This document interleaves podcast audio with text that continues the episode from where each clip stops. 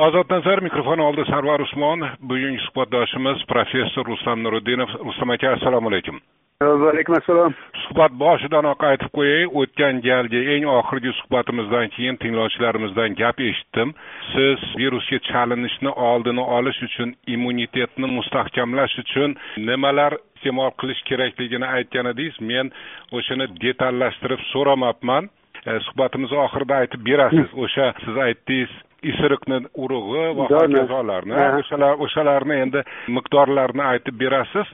Keling endi bugun shu bugunni gapini oldin gaplashaylik. Mana yigirmanchi yigirmanchi iyul kuni gaplashib turibmiz. Bugun tongda o'zbekiston respublikasi prezidenti shavkat mirziyoyev koronavirus bilan bog'liq vaziyatni muhokama qildi. Keyingi bir haftani ichida ikkinchi marta agar adashmayotgan bo'lsam shunday katta izdihomda bu masala muhokama qilindi. Ancha muncha raqamlar aytildi ancha muncha ma'lumotlar berildi. Qilinayotgan ishlar qilinishi kerak bo'lgan ishlar haqida gapirildi. Avval siz o'zingiz nimani kuzatyapsiz? Shuni aytib bering. Yon atrofingizda mahallangizda qarindosh urug'ingizda tanish bilishingizda vaziyat qanday? Keyingi paytda endi bu tabiiy holatdagi deb qabul qilish kerak. Mana keskin oshishini sababi mana mana keyingi bir haftani ichida ikki mingtadan ko'proq e, bemorlar aniqlandi koronavirusga chalingan.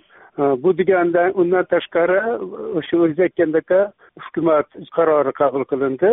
E, shu joyda prezident o'z saytidan keltirilgan ma'lumotni keltirib qo'yay o'sha raqamlar bo'yicha. Oxirgi to'rt kunda mamlakat bo'yicha yangi aniqlangan ikki ming bir yuz o'ttiz olti nafar bemorning bir ming ikki yuz o'n sakkiz nafari ya'ni ellik yetti foizi poytaxt va toshkent viloyatiga to'g'ri keldi deyildi bugungi majlisda ha? Marhamat. Bitta tomondan ozgina ko'ngilni taskin beradigan tomonlar. Rahbarlarimiz befarq emas kunu tun haqiqatdan ham chin ma'noda imkoniyat darajasida ehtiyot choralari ko'rilyapti. Jumladan mana mana kecha ilgari kuni yakshanba shanba kunlari respublika bo'yicha transport qatnovlari umuman to'xtatildi. Faqat maxsus haligi ruxsati borlar yurdida bundan asosiy maqsad butun respublika davomida yer yo'llarni boshqalar dezinfeksiya qilishga imkoniyat berildi. Dezinfeksiya qilindi. Mana shu maqsadda birinchi o'rinda. Ikkinchisi o'sha aytilgan bo'yicha ma'lum bir vaqtga kelgandan keyin albatta qabul qilish yoki bo'lmasa tez yordamda yetib borishi ancha murakkabligi aniq bo'lib qoldi. Yetarli emasligi tez yordam masalasi mm, ham bugungi majlisda ko'tarildi. U yerda ba'zi bir raqamlar aytildi ba'zi bir ma'lumotlar e'lon qilindi. Unga alohida to'xtalaylik. Siz oddiy bir o'zbekistonlik sifatida. Professor nuriddinov emas oddiy bir o'zbekistonlik e, nuriddinov oqsoqol sifatida. E, nimani kuzatyapsiz? Sezilyaptimi mahalla darajasida vaziyat egallashgani murakkablashgani? Masalan menda hozir to'rtta o'zim o'zimni tanishlarimdan mana tanishlarimdan ikkitasi do'stim judayam yaqin. E, to'rttasi koronavirusga chalingan. Aniq mana bu judayam katta narsa. Shu paytgacha yo'q edi menga o'xshaganlardan judayam ko'p. Endi ikkinchi tomondan cheklov bo'lgani uchun biz uzr uzr o'sha to'rtta tanishingiz davlat statistikasiga kirdimi rasmiy statistikaga yoki ular albatta e, albatta albatta.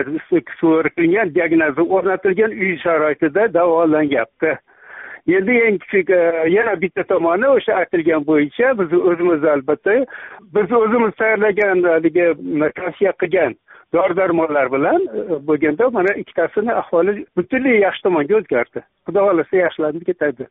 Siz o'zingiz davolayapsizmi yo'q men o'zim davolayotgan o'zim mana shu koronavirusga mo'ljallangan hozir dori vositasi qilganmiz ikkita murojaat qilganmiz dastlabkisini ishlab chiqarib birinchi nimasini ishlab chiqardik hali e, nima qilingan yo'q. Endi buni e, maxsus komissiya ko'rib chiqadi yoki bo'lmasa e, sog'liqni saqlash vazirligi bosh vazirga yozildi agar ma'qul deydigan bo'lsa judayam qisqa vaqtda ishlab chiqarib bu eng birinchi navbatda koronavirusni umuman olganda virusni profilaktikasini to'lataman deydigan vosita tayyorlandi hozir.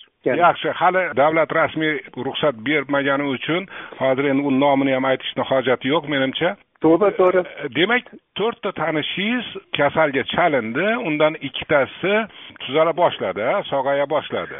Bittasi bittasi kursdoshim ellik yillik kursdoshim judayam yaqin do'stim.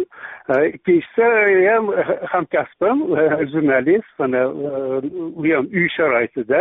Juda vahimaga tushib boshqa bo'lganida yo'q endi o'sha paytda bir g'alati holat bo'lib qoldida masalan chaqirdi kelishyapti uy sharoitida. E, nima qilishim e, covidga analiz topshirish uchun e, navbat va hokazo va hokazo kasal odam bilasiz yurib bo'lmaydi. Bu kasal tarqatuvchini aniq bitta nimasi shunday bo'lgandan keyin uy sharoitida keyin men xabardor bo'lib qolganimdan keyin bordim ko'rdim. Sharoitga qarab turib haligi preparatimizni berdik. Uch kun davomida ну natija bittadan yaxshi tomonga ketdi boshlandi xudo xohlasa normalno bo'lyapti lekin yana hozirgi holatda endi men bir fuqaro sifatida aytay yoki haligi nima bo'ladigan bo'lsa ahvolda yaxshida bo'lmaydi. Judayam ko'pchilik nima qilishni bilmayapti.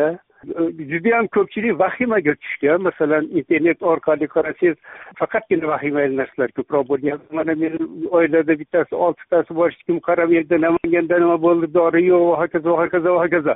Haligini ko'rib vahimaga lekin ikkinchi tomondan olganda Э, hukumat tomonidan prezident tomonidan sog'liqni saqlash vazirligi tomonidan maksimum holatda halol ish bajarilyapti buni e, har mana yaxshi paytida nima qilib bitta odamni noto'g'risida misol uchun hozir keyingi payt sog'liqni saqlash vaziriga dahshat boshqa yo'q ular halol odamlar ishini qilyapti. Mana bu holatdan o'tish kerak. Lekin hozirgi qilinayotgan ishlar e, bu davom boshqa e, e, hududlarga nisbatan olsak boshqa mamlakatlarga nisbatan olganda o'zbekistonda haqiqatdan ham dastlabki paytda qattiq bo'lgani judayam kam edi.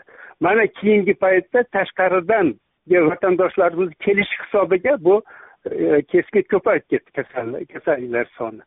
Rustam aka siz aytyapsiz mana vahima kuchayib ketdi odamlarda deyapsiz va bu o'sha internetda ham ijtimoiy tarmoqlarda ham aks etyapti deyapsiz a albatta. siz bu faktni konstatatsiya qilib qo'yyapsiz. Siz ayting o'shanday vahimaga asos bormi yo'qmi? E, asos bor asos borligi birinchi tomondan bizni mentalitetimizdan kelib chiqadi judayam e, nisbatan olganda haligi biz o'zbegimiz e, nima deydi befarroq deymizmi xotirjamroq yuramiz ko'p narsaga ishonamiz. Endi har doim bizda sokinlik yaxshi holat bo'lgani uchun birdaniga oshib ketgandan keyin odamlar vahimaga tushib qoladi bu mentalitetdan kelib chiqadi. Bu bilimsizlikdan hammasi yetarli bu bunga vahimaga asos bor. Ikkinchi tomondan hukumat tomonidan to'la tayyorlandi. Lekin dori yetishmovchiliklari uzilishlar boshqalar albatta o'zidan bu tabiiy narsa bo'ladi. Mana uch kun oldin internet orqali bo'lyapti. Namanganda mana karantin markazida bir kundan beri vrach kelgani yo'q dori bermagani yo'q shunaqa ketyapti. Bunga ko'plar ishongisi kelmaydi. O'sha kuni andijon viloyatini hokimi qo'lida kalish bilan aytyapti. Bizda uch oylik dori zaxirasi yetarli deb turib tayinlanyapti. Demak mana mana shundan bir xulosa qilsak ham bo'ladi. Bir tomondan vahima ikkinchi tomondan olganda vahimaga qarshi odamlar o'zini ishini bilib rahbarlar o'zini ishini bilib qilyapti. Endi o'zimizni ham bog'liq odamlarimizga ham bog'liq. Bu haqida juda yam ko'p gapirildi men buni yo'q endi xohlamayman. endi dorilar dorilar o'sha omborida uch oyga yetarli omborda tursa turgandir.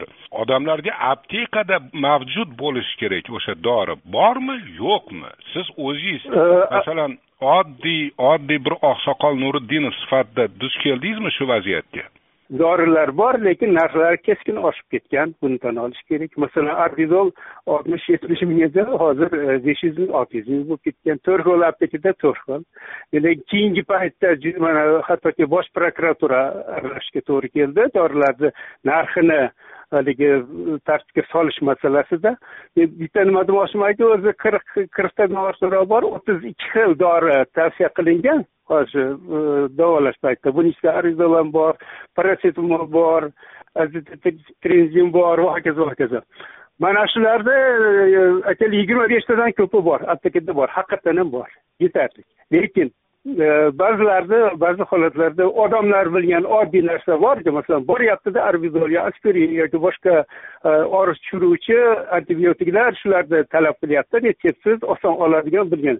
Mana shular keskin kamayib ketdi narxlar oshib ketdi. Endi ba'zi haligi tadbirkorlar qo'shtirnoichidagilari endi mana qiyin holatdan kelib turib endi insof bersin albattayu narxlarni haddan tashqari oshirishyapti haqiqatdan bu ham bor gap.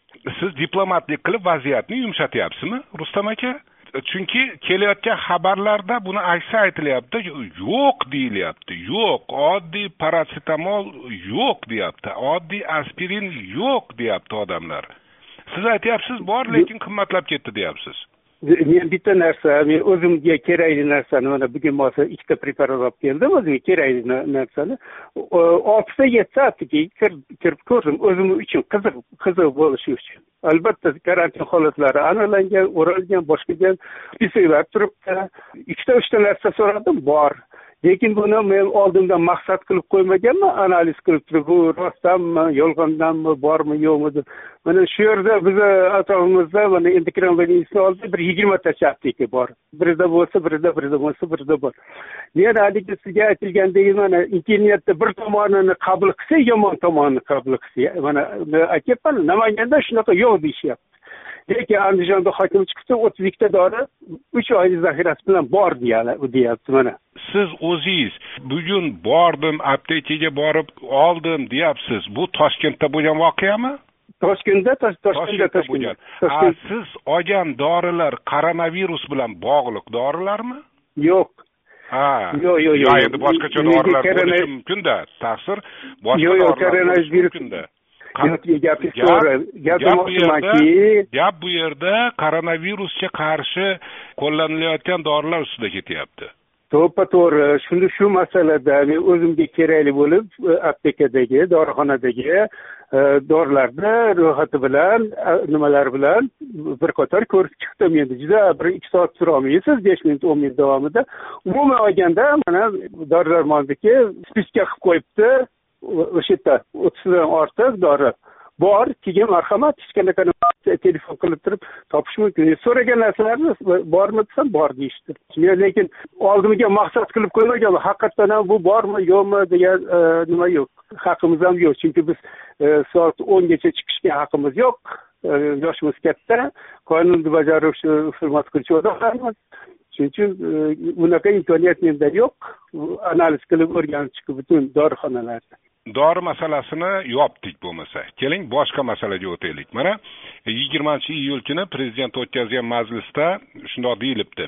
Koronavirusga shubha bo'lgan barcha bemorlarni infeksiya mavjudligini tasdiqlovchi hujjatlarsiz zotiljam va nafas yetishmovchiligining klinik belgilari mavjudligiga asoslangan holda davolash muassasalariga qabul qilinishi belgilandi deyapti. Endi test mestsiz qabul qilaverar ekan to'g'ri chorami bu eng to'g'ri chora nima endi sharoitida buni bo'lmaydi davolab bo'lmaydi xolos shuning uchun qabul qilyapti mana shunda qabul qilindi shu qaror qabul qilindi mana shunga imkoniyat yo'q edida masalan shunaqa holat bo'ldi bir bir hafta davomida tez yordam chaqirasiz kelolmaydi qayergadir olib bormoqchi bo'ladigan bo'lsangiz qayerga olib borasiz misol uchun mashinaga o'tirgizib olib boringiz ham deylik qayerga borasiz? Qabul qilmasa boshqa qilmasa. Ana shu koronavirusga mana shunaqa qo'shimcha nima qilyapsiz? Koronavirus yo'qligi haqida справка bo'lsa undan keyin yotqizamiz qabul qilamiz deyishayotgan edi shunaqa holat ham bo'ldi. Shuning uchun mana bu kamchiliklar asta sekin yo'qotilyapti. Hozirgi bugungi qaror bo'yicha men ham ko'rib chiqdim. Judayam to'g'ri qaror. Endi uni amalga oshirish bor bu ikkinchi masala. Ho'p qarang hozirgina o'qib berganim parchada zotiljam degan so'z bor. Agar mintaqadagi vaziyatni kuzatayotgan bo'lsangiz shu zotiljam bilan bog'liq vaziyat qo'shni qozog'istonda va qirg'izistonda juda yomon juda yomon. Koronavirus alomatlarisiz zotiljam holatlaridan o'limlar juda ko'p. E, va yaqinda uch to'rt kun bo'lib qoldi. Masalan qirg'iziston o'sha zotiljamni ham covid o'n to'qqizni statistikasiga qo'shdi va natijada hozir o'zbekistonda o'n besh mingning atrofida bo'lsa qirg'iz qo'shni qirg'izistonda olti yarim million aholisi bor. Qo'shni qirg'izistonda koronavirusga chalinganlar statistikasi yigirma mingdan oshib ketdi. O'zbekistonda o'zbekistonda shunday alohida zotiljam epidemiyasi yo'q deya olasizmi? Yo'q deyolmayman gapingiz to'ppa to'g'ri. Ikkinchi tomondan haqiqatdan ham kuzatib boramiz ma'lumotlarni. Qozog'istonda qirg'izistondagi o'sha zotiljamda bilan e, mana koronavirusni e, uchinchi darajasidagi rivojlanish davri davri go'yoki bir xil simptomlar asosida ketyaptida. Shuning uchun e, mana shu qirg'iziston tomonidan qilingan ish menimcha judayam to'g'ri baholangan to'g'ri vaziyat. Chunki uni ham buni ham davolash kerakki endi tezroq qancha tezroq davolashga kirsa shunchalik yaxshi natija bo'ladida. Shuning uchun o'zbekistonda ham mana shu masala qo'shilsa qirg'iziston kabi hisobga olish bo'lganda sonidan qo'rqmaslik kerak kasallik oshib ketdi boshqa boshqa emas. Bormi bormi? Kasalmi kasal. Davolash kerakmi davolash kerak. Shuda endi bunday olganda hmm. shuning uchun e, qirg'izistondagilar to'g'ri qilgan bizda ham shu muammo bor. Hech qanaqa bu yashiradigan joyi yo'q. Ho'p keyingi savol. Toshkent shahrida mavjud o'n oltita klinikaga qo'shimcha covid o'n to'qqizga shubhali bemorlar uchun mo'ljallangan yana yettita sakkiz yuz ellik o'rinli provizor klinikalar tashkil qilindi deyilyapti. E, shu bugungi majlisda aytilgan gap. Nima u? Provizor klinikasi nima u? Bu menimcha birinchi e, kasallik darajasini aniqlab turib markazda desa bo'ladimi? Men ham hozir siz aytgandan keyin o'qidim erta bilan. Provizor klinikasi sakkiz yuz ellik o'rinlik undan tashqari besh yuz o'rinlik mana ekspo markazida qurilyapti deyilgan. Bu yerga bir aniq bir provizor deganda odat odatda dori tarqatuvchi hisoblanadi. Masalan provizor mana provizor degani dorini savdo bilan savdosi bilan shug'ullanadigan e, mutaxassis odatda tushuniladi bizni shuning uchun ham dorishunosdan so'rayapmanda bu masalani shuning uchun provizor markazi degani bir g'alati gapni ochig'i men eshitganim yo'q bunaqa narsani har qanday koronavirusga bog'liq bo'lgan bir yo'nalish bo'lsa kerak endi yaqinda bilib qolarmiz bu narsani bu narsani gapirishni keragi yo'q bilmagan narsani bilmaymiz deymizda nima endi ho'p. Uyati yo'q buni ho'p navbatdagi savolim professor rustam nuriddinovga emas oddiy o'sha o'zbekiston fuqarosi rustam nuriddinovga qarang. Yig'ilishda ta'kidlanganidek prezident uz saytidan o'qiyapman. Bugun majlisda yigirmanchi iyul kungi majlisda aytilgan gap. bir yuz uch telefon raqamiga ulanish vaqti bir yarim daqiqadan o'n besh soniyagacha qisqartirildi.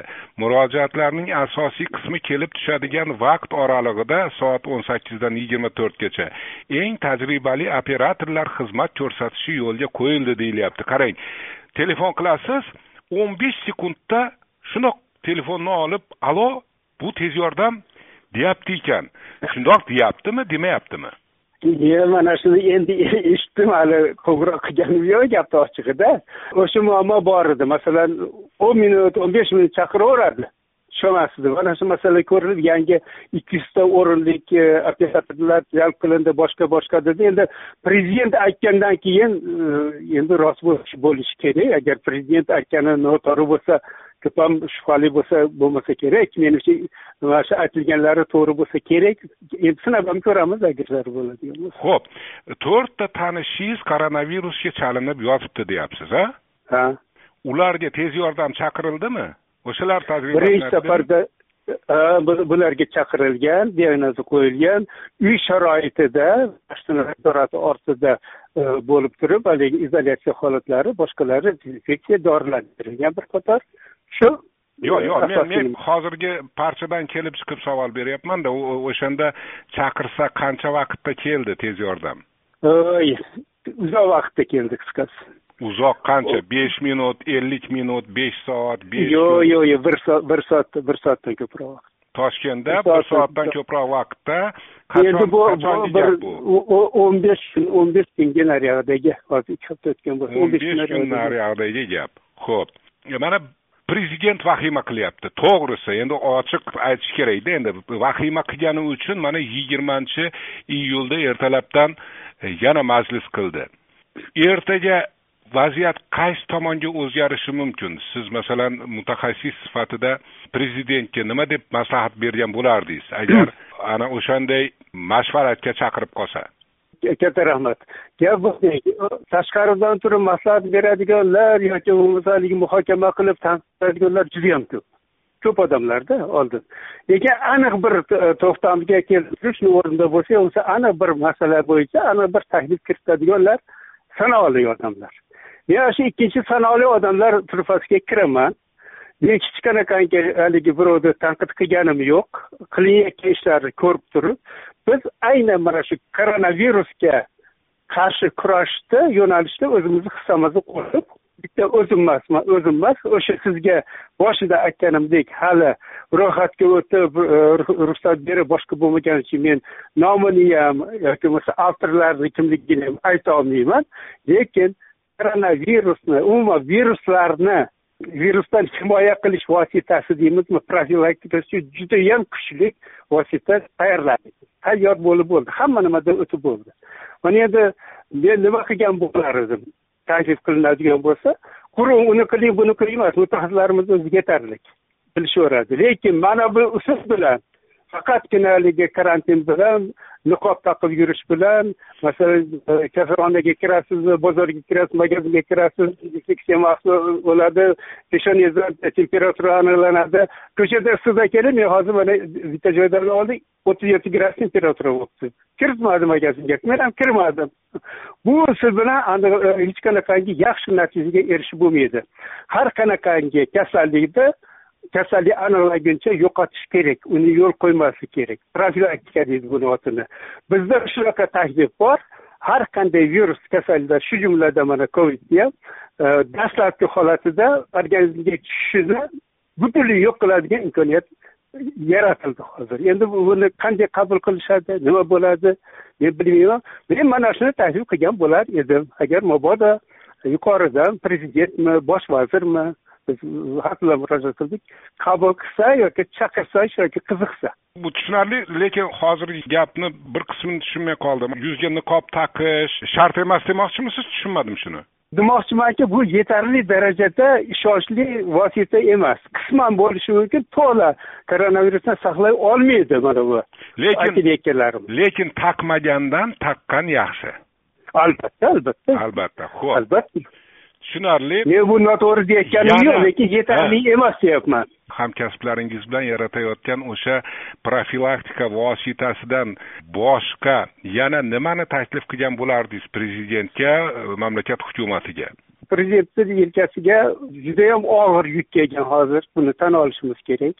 Tashqaridan turib tomosha qilish emas iloji boricha fuqaro sifatida to'g'ri tushunib biz ham ishtirok etishimiz kerak bu jarayonda. Karantin qoidalariga to'la bizni foydamiz uchun aytilayotgan narsa amal qilishimiz kerak. Va yana bitta narsa bizga o'xshagan mutaxassislar bor. Aniq taklif qilayotgan. Mana shularni hech bo'lmasa bir eshitadigan bitta odam bo'lsin yo sog'liqni saqlash vazirligida yoki narigi maxsus komissiyada bilmaymiz qayerga chiqdi. Yozma ravishda berilgan takliflar umuman yetib bormayapti. Og'zaki holatda telefon orqali u ham bo'lmayapti.